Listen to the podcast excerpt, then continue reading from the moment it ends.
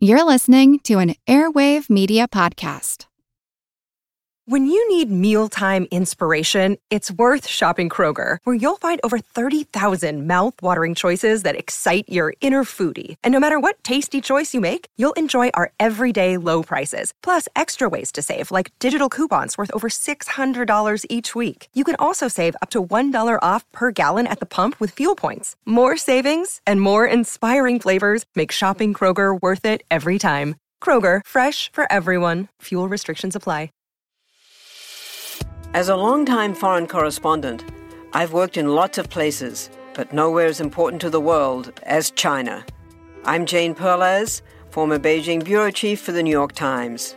Join me on my new podcast, Face Off US versus China, where I'll take you behind the scenes in the tumultuous US China relationship. Find Face Off wherever you get your podcasts. This is Kick Ass News. I'm Ben Mathis.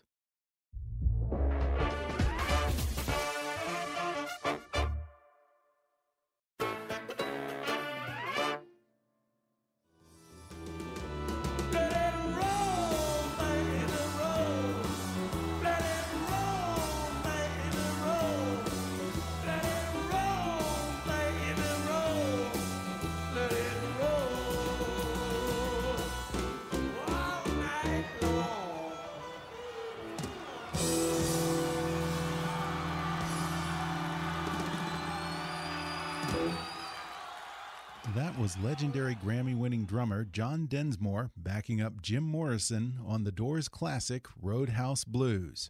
In his more than 50 years in music, John Densmore has played with and gotten to know some of the greatest musicians of our time, from Janis Joplin and Paul Simon to Ravi Shankar and Willie Nelson, as well as some inspiring non musicians from the Dalai Lama to screenwriter Joseph Campbell. He's managed to learn something from many of those interactions, lessons he writes about in his new book, The Seekers Meetings with Remarkable Musicians and Other Artists. And today, John Densmore joins me on the podcast to discuss the many musical influences on The Doors, what he thought the first time he met Jim Morrison, and how Morrison's tragic self destruction served as a cautionary tale that kept John Densmore straight the rest of his life.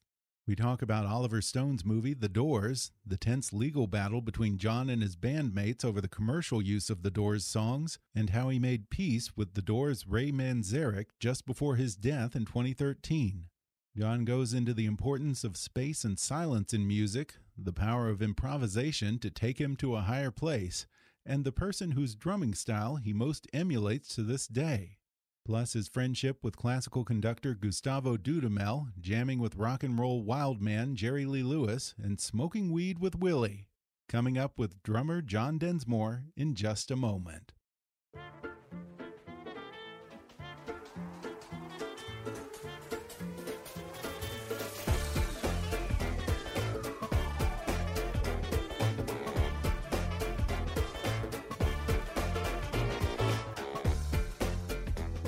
John Densmore is an original and founding member of The Doors. In 1993, he was inducted into the Rock and Roll Hall of Fame, and since then, he has earned a Grammy Award for Lifetime Achievement and a star on the Hollywood Walk of Fame.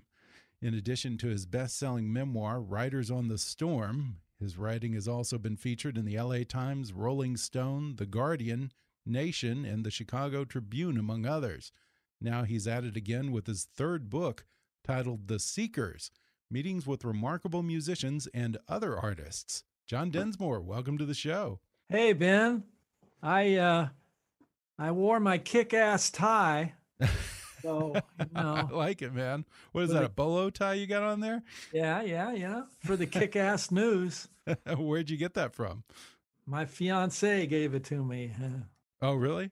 From the Southwest. Really? You're engaged, huh? Yeah, for the fourth time. Fourth and final. Hey. very nice. Very nice. Uh, is she a good girl? Tell us about her. Oh, she's the best. We've been together 10, 15 years. Oh, no kidding. Both had previous marriages, and now we're going to get it right. Yeah, that's a long engagement, 10 years or so. Yeah. Finally going to put a ring on it. Good for you. well, I really enjoyed the book, John, and, and I like this title, The Seekers. Uh, do you consider yourself a seeker? And if so, what is it that you've been seeking in your life? I kind of consider all of us seekers in a way. Mm -hmm. We're seeking for um, sort of a peace of mind, you know, especially during these tumultuous times. And, uh, you know, I started this book several years ago because I wanted to give a tip of the hat to uh, various musicians who fed me. Mm -hmm. um, and here it is coming out during this pandemic. And, uh, you know, music is uh, it's it's like medicine for the soul. It's kind of healing. Yeah. And so uh, I hope uh, the readers can get some of that from this book. Yeah, and also definitely. also be encouraged to do their own uh, painting, piano playing, whatever. And you don't have to be climbing the charts. You're still going in the same zone that other that these famous artists are in. And and and it's a good healing salve. So, you know, even though there's a lot of talk about creativity and kind of listening to your muse and all that, it's not just for painters and musicians and that sort of thing, huh? Yeah. And uh, you can do it whenever. And that's yeah. important. You know, like now, a meditative practice every day for find 20 minutes. And uh, mm -hmm. oh, yeah, definitely. Definitely. You know, I used to think of that as kooky stuff, but, you know, now all these doctors have come out telling you how important meditation is and how how great it is for your mind and get your, your heart rate down and all this stuff. And yeah. and we're all under this COVID cloud, which is kind of scary. And yeah. so it's good to get the heart rate down. Yeah, yeah, definitely. Now the first seeker in the book is actually your own mom. She was kind of a creative type. What'd you learn from her? Well, um, she encouraged me to play piano, which I was grateful for, and tolerated cacophonous drums and that was I was grateful for that too. so she encouraged my creativity, and um, you know she lived to 94. There's a photograph of the book in the book of her painting, and a few days yeah. before she passed, and she she said when she had pain she painted. She channeled that pain huh. into painting, and um, kind of worked for her. Also, I was thinking about how uh, in the second chapter or third, I wrote, write about Elvin Jones, John Coltrane's drummer, who was yeah. a mentor of mine. And in there, I say that um, that drummers and everyone else, the first drum beat you ever hear is your mom's heartbeat. You're in the true. womb and you hear this. That's and so of course my mom is the first chapter. I came out of her womb.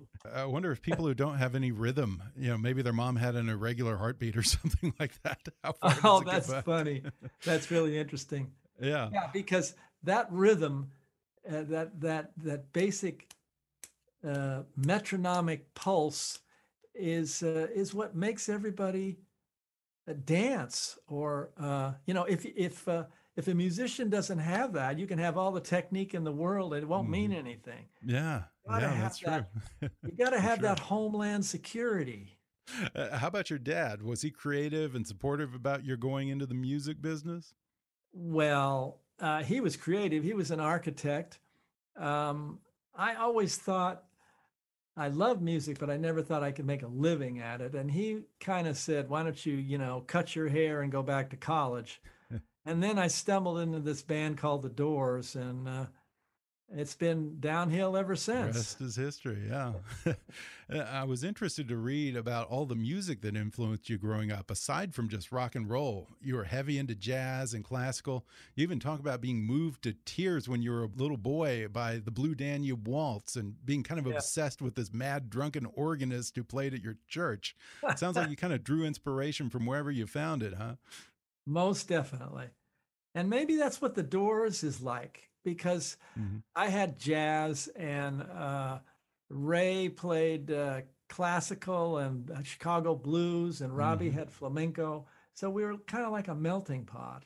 And, and this book uh, kind of represents that. I have a chapter on Gustavo Dudamel, the mm-hmm. young conductor of the LA Philharmonic, who's just masterful and uh, it all fed me. You know, I think I play drums sort of uh, dyma- dynamically like an orchestra with with huh. with with with fortissimo and pianissimo uh-huh. and everything in between. I'm not the fastest, but I think it makes it musical if you have all those emotions. Mm-hmm. Yeah, yeah, definitely. And I wonder about that. Uh, do you think that people have a tendency to equate speed with talent when it comes to drumming? Or any instrument. Yeah, really. you know, you can noodle, noodle, noodle, and and you know, uh, I'm a bit older now. I was just 76, and I've come to the realization the last several years that if I put the right drum beat in the right spot, mm-hmm. it's as powerful as when in my 20s I showed off with all my technique. Now, a moment ago, you mentioned Elvin Jones. If anyone does know Elvin Jones, you probably heard him on some of John Coltrane's best albums. I think he's on Live at Birdland and some others. You say his drumming style is actually the one that you most emulate to this very day. What did you get from him? His drumming was described as polyrhythmic. Mm -hmm. In other words, he had the pulse of the metronome, but he surrounded that with all kinds of little beats, and it was real complicated. But he never sacrificed the pulse. And he also had a conversation with Coltrane. You could tell they were playing off of each other. Yeah. And that gave me the courage to have a conversation with Jim mm-hmm. Morrison. You know, uh, he'd, he'd say, um, what have they done to the earth? What have they done to our fair sister? Stuck her with knives in the side of the dawn, dragged her down. So hmm. I'd go, I'd, I'd do what I was hearing. then I'd go back to the beat. And I got that from Elvin and Coltrane. You also talk about Ray Manzarek as he was such a, a master of improvisation. And that's one thing that I took away from part of this book is just whether it's music or acting, improv it absolutely requires you to be in the moment and fully present. I almost wonder if maybe you even think that improvisation is sort of another form of meditation. Could be. I mean being in the moment that's the whole deal. Mm -hmm. you're thinking too far ahead you're not there. And if you think about the past uh, what's that bob marley line in this great future you can't forget your past yeah. but dry your tears, I say, and be here now, right mm -hmm. now, you know? You pretty much were the rhythm section in the doors. But Ray, was he the guy that you kind of took your cues from? Did you have to kind of keep an eye on his foot or his left hand when you guys were playing? no, I, I would, you know, drummers are the the heartbeat. Sure. Uh, but Ray's left hand was the bass. We didn't mm -hmm. have a separate bass player. Yeah. And so his left hand and I were the rhythm section, bass and mm-hmm. drums, and we hold down the pocket. And then with his right hand, he would play organ, and you know he split his brain into two musicians somehow, yeah. and played all these great licks like da da da da da da da, da you know, light my fire intro, sort of Bach like, or, or uh, Riders on the Storm solo, just masterful. Yeah. Sometimes he'd get a little excited soloing, and and and that bass player would speed up too, and I'd have to pull him back. Yeah, but it was uh, it was a lot of space without the bass. So uh, yeah, yeah, yeah, yeah. But but space is something that comes up a lot in this book. Space and the silence in music, which I don't think a lot of people actually think about. Talk a little about that. Yeah. Well, if it was all sound, and then there'd be no contrast. Mm -hmm. And uh, I played uh, like in the end, the song "The End" was very quiet section. And then I played mm-hmm. something real loud and then real quiet. It's the dynamics that that make the power, you know. Yeah. Uh, I got a chapter on Ram Dass, uh, who was a, a sure. wonderful guru guy, and he had a good line: "The quieter you become, the more you hear." So, yeah. That's if true. you listen to a Willie Nelson solo, Willie is my last chapter. Yeah. He's not noodling like crazy. He's leaving space in there, for, and and it makes it melodic and mm-hmm. and very. Uh, uh, you, you remember it. Yeah, yeah. I like how you talk about Willie's use of space, particularly in his phrasing. It, it's sort of similar to Sinatra, how he'll hold on to a lyric a little longer than most singers would feel comfortable. I mean, you really got to have confidence to pull that off, don't you? Precisely, Ben. You said it perfectly. I have nothing to say about. That's exactly right. but yeah. yeah, I mean, you, you, do have to have confidence to do that. I, I, I, think a lot of a lot of singers, you know, they wouldn't feel comfortable holding on to a note the way Sinatra does and kind of letting it yeah. spill over into the next beat. Yeah, I think I write that uh, if you hear an artist and and they sound relaxed, mm -hmm. there's tons of work behind that to oh, get yeah. that place. You know. Oh yeah, the myth of just being a born talent and making it look easy and all that. But no once again, once again, I, I encourage the reader. I hope to get inspired to just find a little time to take a a walk in nature or paint mm -hmm. or play piano or whatever, and and uh, you know you get in the same kind of timeless zone. You get a few minutes of infinity there when mm-hmm. you're tripping yeah. out on your craft you know willie he's one of those guys he man he's lived a life and he's had his share of adversities but you know somehow he's one of these guys who always seems to keep his mellow vibe i want how does he do that is it the weed or what you've you've spent some time with him it's not just the weed he no.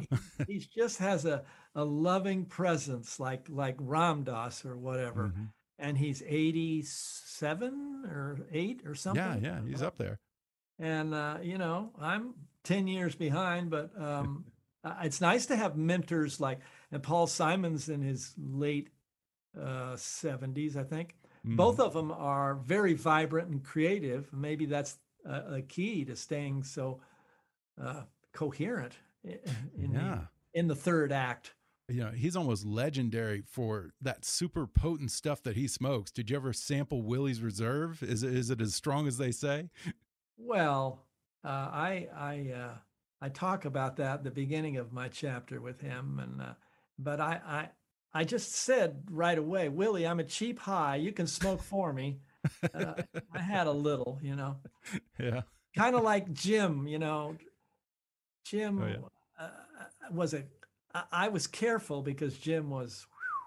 Yeah. Jim and Janis, who I also write about, oh, those yeah. two those two are cautionary tales. Mm-hmm. You know, they they uh, just couldn't stop.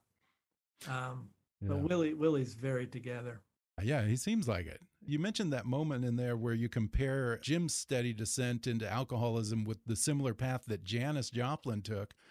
Uh, you know, what is it about certain artists that they almost seem predestined for that kind of end? Why why is creativity and self-destruction just a package deal with some people? well, the important word is some. Mm-hmm. It's not with all. Yeah. Picasso yeah. lived to 90. Uh, with those two, you know, uh, I mean, creative people are sensitive.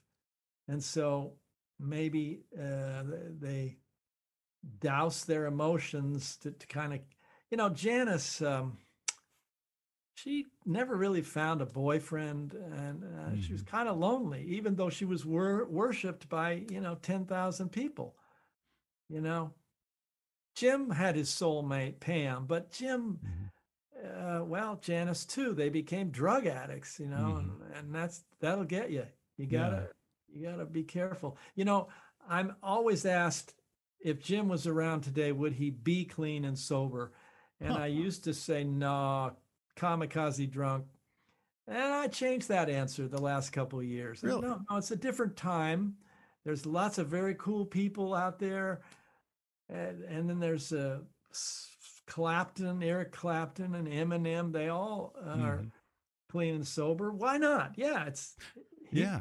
Yeah, yeah. A lot of the guys from that era have somehow managed to survive it and are still living well into their 70s and 80s now. So, yeah, why not? Maybe he would have. You never know. Yeah.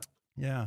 Yeah. It's interesting what you said about uh, Janis being lonely because it, it, sounds like from the book, like there was a certain kind of loneliness to Jim as well. Despite the fact that he was in front of all these crowds and had all this adoration, there was a certain degree of isolation to that as well, huh? Well, Jim was a deep thinker. Mm -hmm. he was questioning the universe at breakfast, you know. so uh, he was just uh, destined to pack it all into 27 years. Mm-hmm. It was hard. The, uh, the few years after he died, I couldn't accept it. You know, I was angry with his self destruction. Mm-hmm. And now, years later, uh, I accept that he was supposed to be a shooting star. And, hmm. And um, you know I'm on a Mhm. long road, and Yeah. I like that being an example for kids. You can't just wear leather pants and drink; that won't do it. So Yeah. I also find it interesting that the other three of you in the doors didn't go down that same path as Jim. I, I'm sure that you drank and partied and had a good time, but you didn't let it ruin your life. Do you sort of think of watching his self destruction as a way that kept you guys straight, maybe? Well, yeah, it was a teaching, that's Mhm. for sure. Yeah. But it's interesting. If you'll notice this sign behind me, it says um, Morrison Street and Densmore Avenue. Can you see that back there? Yeah. Yeah. Yeah. I see All that. right. So uh, I grew up in LA and I always knew there was Densmore Street in the valley. And Oh, yeah. one day I thought, well, why don't I drive down that street just for the hell of it and see what's down there? And it crossed Morrison Street. Weird. These streets, these streets were named a hundred years ago, right? Yeah. And I went, How wild is that? okay, uh, we're supposed to, our destiny was set. Yeah. Wow, that's crazy, man. I wonder, having been a witness to all this, is there a part of you that maybe was happy to be playing in the back of the band rather than being the guy in the spotlight with all that pressure and stuff and all that adoration and love that really wasn't love, you know, that kind of thing? Yeah, that's really smart, Ben. Um, at first, I was jealous that his picture was so big on the first album Mhm. cover, Sure. and then, then after time went on, I, I, I realized that spotlight on the front guy is so bright, it's Mhm. dangerous, and and Oh, I just maybe got singed a little. Yeah, and, and it's strange the thing when you're always in that center spotlight, absorbing all the adoration from thousands of strangers and the ego high of it all, and then you go home. And I think there's something you talk about with both Jim and Janis. I can imagine that it has to be difficult to go from that to just you know being content sitting in a quiet room alone with nothing but your thoughts. Yeah, yeah. I talk about that with Janis. She went home alone to nobody. Mhm. And I also, I think I quote a dream that Jim told me that he dreamt that we were playing a big concert and then he went back to the hotel room and he was walking down the hall and he heard a party in his room. And he, and he checked the key to make sure it was the right room. And it was. And he opened the door and a bunch of people were in there and they looked at him like, Who the hell are you? And they went on partying. That was the dream, wow, yeah, which is kind of metaphoric for all yeah, that attention, but but you know, no no substantive deep Mm. friendship going on there. yeah, yeah, man. Talk about tapping into the subconscious there. Yeah. Wow. We're going to take a quick break and then we'll return with more when we come back in just a moment.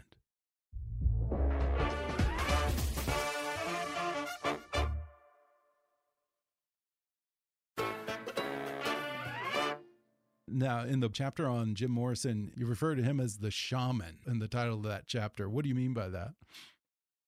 Shaman was um, not in the vernacular when we were coming up. I, the first no? time I ever ever heard of it, I read it in one of Jim's poems, and then I looked it up, and I realized he was very well aware of uh, so-called primitive cultures that have a medicine man, a shaman, who you know kind of sometimes takes peyote or whatever the hell he does, Mhm. and then heals the people, goes into trance and heals, and that's you know that's what he was up to.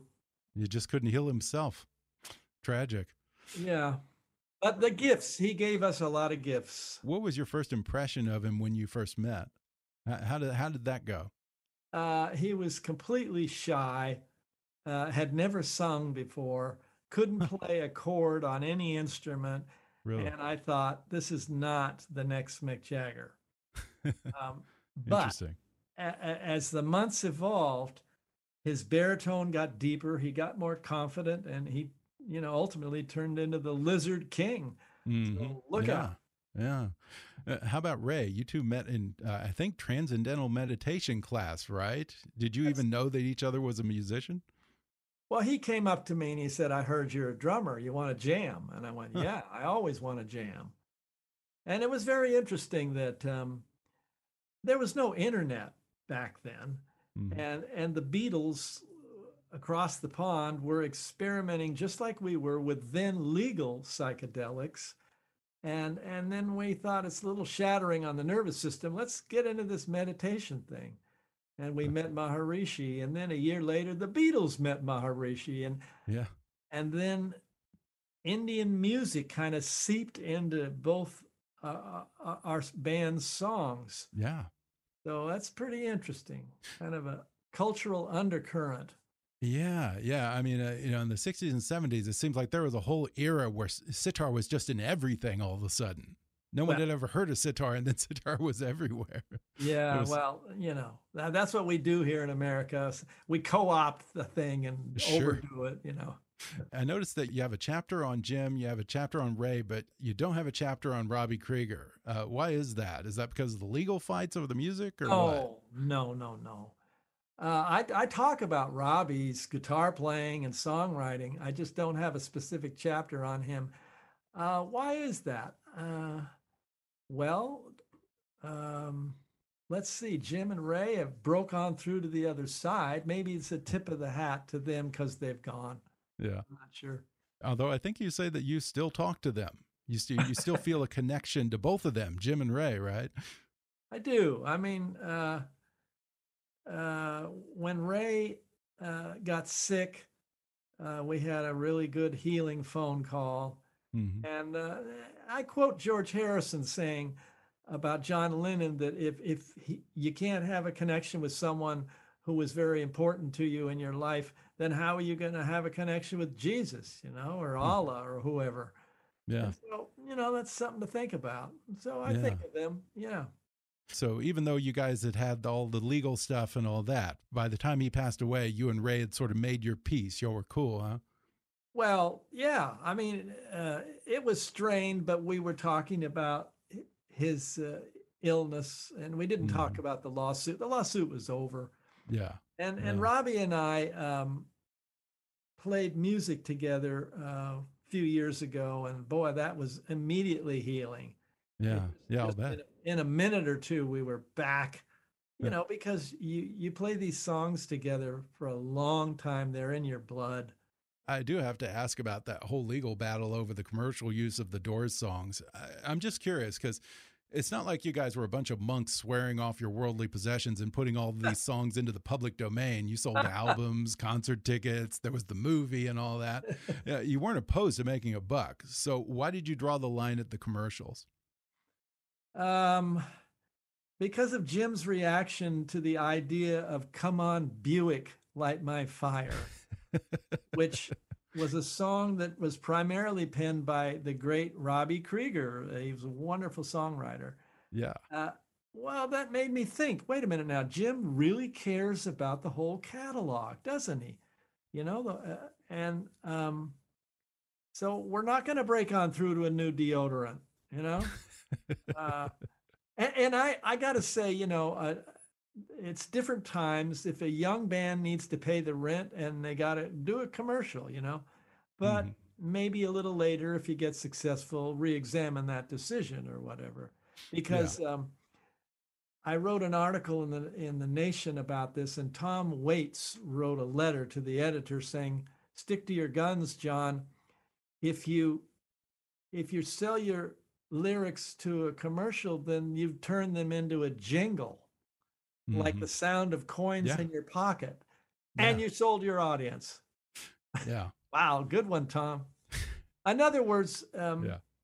people, uh, our music was pretty important to a soundtrack for people in Vietnam or the 1st Mhm. time they made love or all these pivotal moments. And, and I, I'd prefer to, uh, actually, Robbie wrote Love Me Two Times uh, because I'm going away. He meant to Vietnam. He didn't say that in the lyric, but that was the story behind the Oh, idea. Huh. And so if I okayed Love Me Two Times because I just took Viagra, that that's not, it's you know Yeah. it's kind It of kind of going to changes a little. pollute the thing. Yeah. Yeah. yeah. But I remember when all that went down with the, the lawsuits and all, the opposing counsel was calling you a communist or a socialist and saying you were anti capitalist and all this stuff. You're you don't seem like an anti capitalist to me. You like you like making a buck as much as the next guy, I assume. Yeah. I, I also think eh, when you do get the brass ring, it's good to spread it around a little mm -hmm. bit. Not, you yeah, know. I hear you but yeah, uh, the, the word socialist is has the last few years has been thrown around yeah. like crazy, and mm-hmm. there's an entirely difference between the socialism back in the 50s that did lead to communism and the socialism of today in say Scandinavian countries where they just kind of take care of the people a little more. Mm-hmm. It's not, uh, you know, a dictatorship or anything. Yeah, yeah. It's been a crazy four years. You think much about that? Are you into politics and that kind of thing? Well, I'm breathing a big sigh of relief, to be blunt. Aren't we all? yeah, and, and I don't know. We got to reach across the aisle somehow. Yeah, yeah. Uh, there's there's um, there's people in the red states that voted for Biden, so there's a little blue in there Mm. And there's some people in the blue states that voted for Trump. Though there's a little sprinkle of red in the blue. We're not that polarized. Let's let's mm-hmm. let's come together and be the United St- States yeah. if we can. I, I think about the Leonard Cohen lyric, "Democracy is coming to the USA."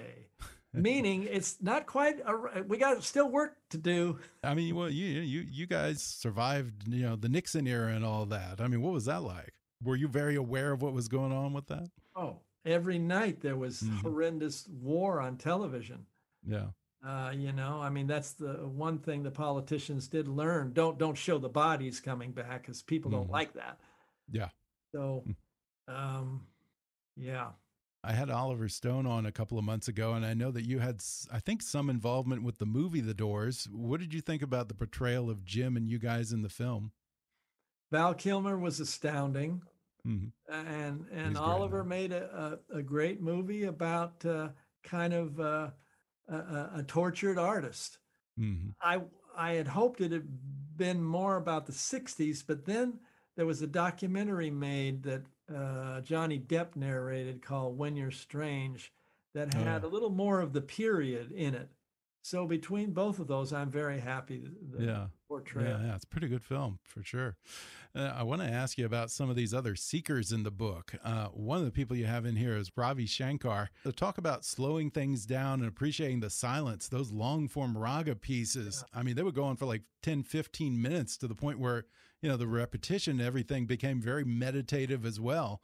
You spent some time with him. Uh, you watched him do his thing. Did yeah. he sort of ascend into a whole other place when that guy played? Yeah, I, I would call it trance music. Kind mm-hmm. of puts you in a trance. and uh, we got the idea of of stretching the end out to 10 minutes and that had sort of raga tuning on Robby's guitar mm-hmm. and yeah. and light my fire was six minutes and all these songs the pop songs were three minutes at the time and we sort of helped break that barrier and then then the Stones did Going Home, and uh, other people did longer cuts. I think it's good to stretch out and be able to jam. You know, I mean, Riders on the Storm's long, but yeah. it's such a great ride. Oh yeah.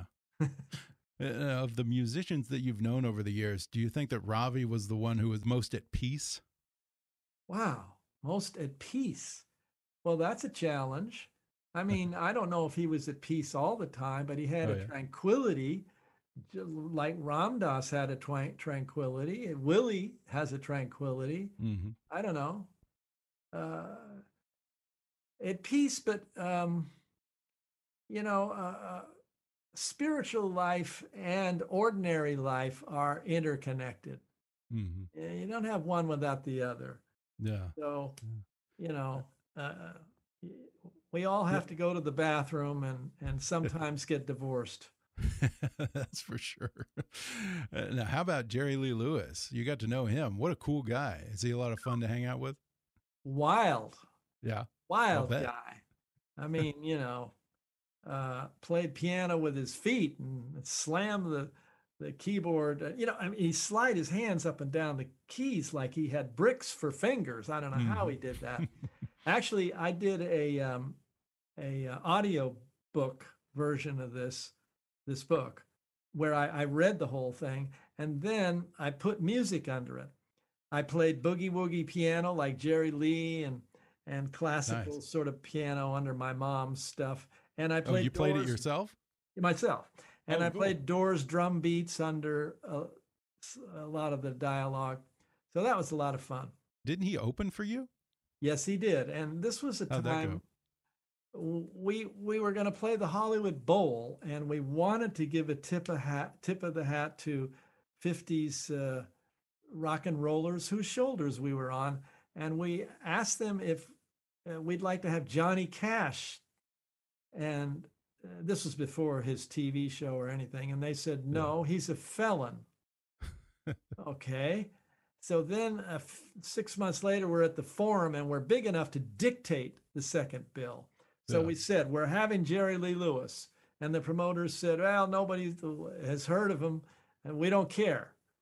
And, and, you know, the audience was kind of chanting doors, Jim, Jim. And, but Jerry Lee rocked out and then he stood on the piano and he said, uh, for those of you who liked me, God love you. For the rest of you, had a heart attack. That's Jerry Lee, the killer. As a drummer, I have to think that you probably dug how percussive his piano playing could be. Because, oh. as you said, you know, he was really banging on those keys and playing with his shoe and all that stuff. Oh, right? he, he played the piano with his butt. Yeah. Talk about percussive. yeah. yeah. And he's still around too now. Like, yeah, what is he, 90, 97, 95? No, no, no. I, I think he's 86 or 7, something like Oh, really? Oh, I thought he was in his 90s. Okay. He's still got some years well, on him then. Yeah. Good only a few years shy of 90. Now, I should mention that not everyone in this book is a musician. You also list the great mythologist Joseph Campbell, His Holiness the Dalai Lama, the poet Robert Bly, Ram Dass, of course, who you mentioned. Uh, who among the non musicians in this book has had the greatest influence on you? Oh, I'm sorry, Ben. All of Hard them to pick. just named. You know, they're they're they're writers yeah. or poets, and uh, poetry. Well, I think that writing a sentence is a musical question. Mm-hmm. If it's short, it's percussive. If it's long, it's lyrical. And so I, I tie all that in there. Mm-hmm. You know, I write a chapter on my old acting teacher, and and the phrasing in, in a, in a live theatrical performance is kind of like jazz. You you can change the pauses and and that's uh, that keeps it fresh and that's the yeah. connection with music. Yeah yeah and you you write poetry yourself too right? Nah. No? I thought uh, you did okay. I tried and it was corny. Yeah. No. no but i found my way into prose. Mm-hmm. you know i, I wrote uh, my first self-centered memoir. I have three now. Uh, riders yeah. on the storm and it was a bestseller. I still didn't feel confident to say I was a writer. Mm. I knew I was a musician, but after a few more years of articles, I, I, I, knew, okay, I really have my voice. I have another avenue of creativity here. Yeah, yeah. Robert Bly. I mean, what a what a talented, interesting guy he is. Were, were you part of the whole men's movement? Were you into that back then? I was, um, but it was so early that it it was just guys getting together to to talk about their feelings like women have done forever and mm. and not just drink beer and watch sports and and we worried that it would get big and get co-opted and it did but mm. it mm-hmm. did good things i yeah. think it inspired the million man march and so you know I, I, was fortunate to like to be in jamaica before reggae came to the states and yeah i write about bob marley and I saw uh, Gustavo Dudamel guest conduct the LA Phil, and um, I knew there was magic there. Mm. And and as a teenager, I saw Coltrane, and I knew there was magic. I didn't know that uh, he was going to be an icon, but I sensed some some creative thing that was unique, and Yeah. Been blessed to witness all this stuff. Yeah. Were, now, were you along for the whole ride? You know, even toward the end when he kind of got he got pretty out there at some point, right? Yeah, he got kind of dissonant. I, I was because I knew the road. I knew he Mm-hmm. started with bebop, and Mhm. then he went through Miles Davis Cool, and then Coltrane's Quartet with the beautiful version of My Favorite Things, and a Love Supreme, and then he went way outer space, and you know I went with him because I, I well there was some anger in there, you know, uh, the Oh, civil sure. rights thing, and uh, I get that certainly, you know Yeah.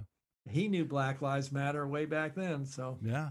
Yeah. Yeah. How about Gustavo? Sounds like you guys have kind of become pretty good friends. I mean, he he really lit the whole music scene in LA on fire when he came into town. and he's not done. Yeah. Oh Yeah, he, he's, he's he's he's the original long hair, isn't he? You guys thought that you guys were cool. yeah. I think I write that um, the the '60s rockers, the Kinks and the Stones, they look Yeah. like Beethoven with their hair and their ruffled shirts. you right? know? Yeah. yeah. Uh, Dudamel is is um, he's so open. Yeah, Mhm. classical music has been known to be kind of rigid and Mhm. he is aware of salsa and jazz and led zeppelin and and and if he hears something in mahler well i think i titled the chapter or the subtitle is him saying to me juan juan mahler is heavy metal and what he meant was that there's kind of the melody line in there that reminded him of something he heard Mhm. and he liked the connection and he used that in conducting Oh, that's amazing. cool. amazing Wow. Yeah, I, I was amazed. To, I don't think I ever noticed this when I've seen him perform in person. But you say in the book that he doesn't even have any notes. He doesn't have any music in front of him when he's conducting. He's just doing it by memory, huh? right except Wow. for the modern stuff he, Oh yeah. he has yeah. to read that but all the, the beethoven mahler whatever mozart Wow. I mean, he he Incredible. checks the manuscript backstage of the symphony he's going to conduct, and then he goes out and conducts it with from memory. Hmm So, I mean, that's I'd say rather gifted, huh? Yeah, no kidding. I wonder before we go, what are you up to these days? Aside from the book, what are you up to? Are you are you just dying for COVID to end so you can get back out there and perform with other people like like Gustavo and all these other guys? Well, I do miss the live. I miss people, you know. I Mhm. mean, I'd Sure. be doing this in person with you, and Yeah. but at least we've got this, you know. And um, Yeah. Uh, I, I'm I'm promoting the book is primarily is what I'm doing now, which Mm-hmm. is a, you know quite a bit of uh, work. A lot of a lot of Yeah. signing plates that are stuck in books later. And I used Yeah. to go do tours and go to bookstores and meet people, but uh, the paperback will be out next Christmas. Let's pray that we're better, and I'll be out there. Yeah, get out there. Can't wait to see you perform again. Well, once again, the book is called The Seekers Meetings with Remarkable Musicians and Other Artists. John Densmore, thanks. This was great. Great. Thanks so much, Ben. Thanks again to John Densmore for coming on the podcast. Order The Seekers Meetings with Remarkable Musicians and Other Artists on Amazon, Audible, or wherever books are sold. And follow John on Twitter at, at John Densmore or at johndensmore.com. If you enjoyed today's podcast, be sure to subscribe to us on Apple Podcasts and rate and review us while you're there. Five star ratings and detailed reviews are one of the best ways for new listeners to discover the show. You can also follow us on Facebook or on Twitter at, at KickassNewsPod and recommend us to your friends on your social media. For more fun stuff, visit kickassnews.com, and I welcome your comments, questions, and suggestions at comments at kickassnews.com. For now, I'm Ben Mathis, and thanks for listening to Kickass News.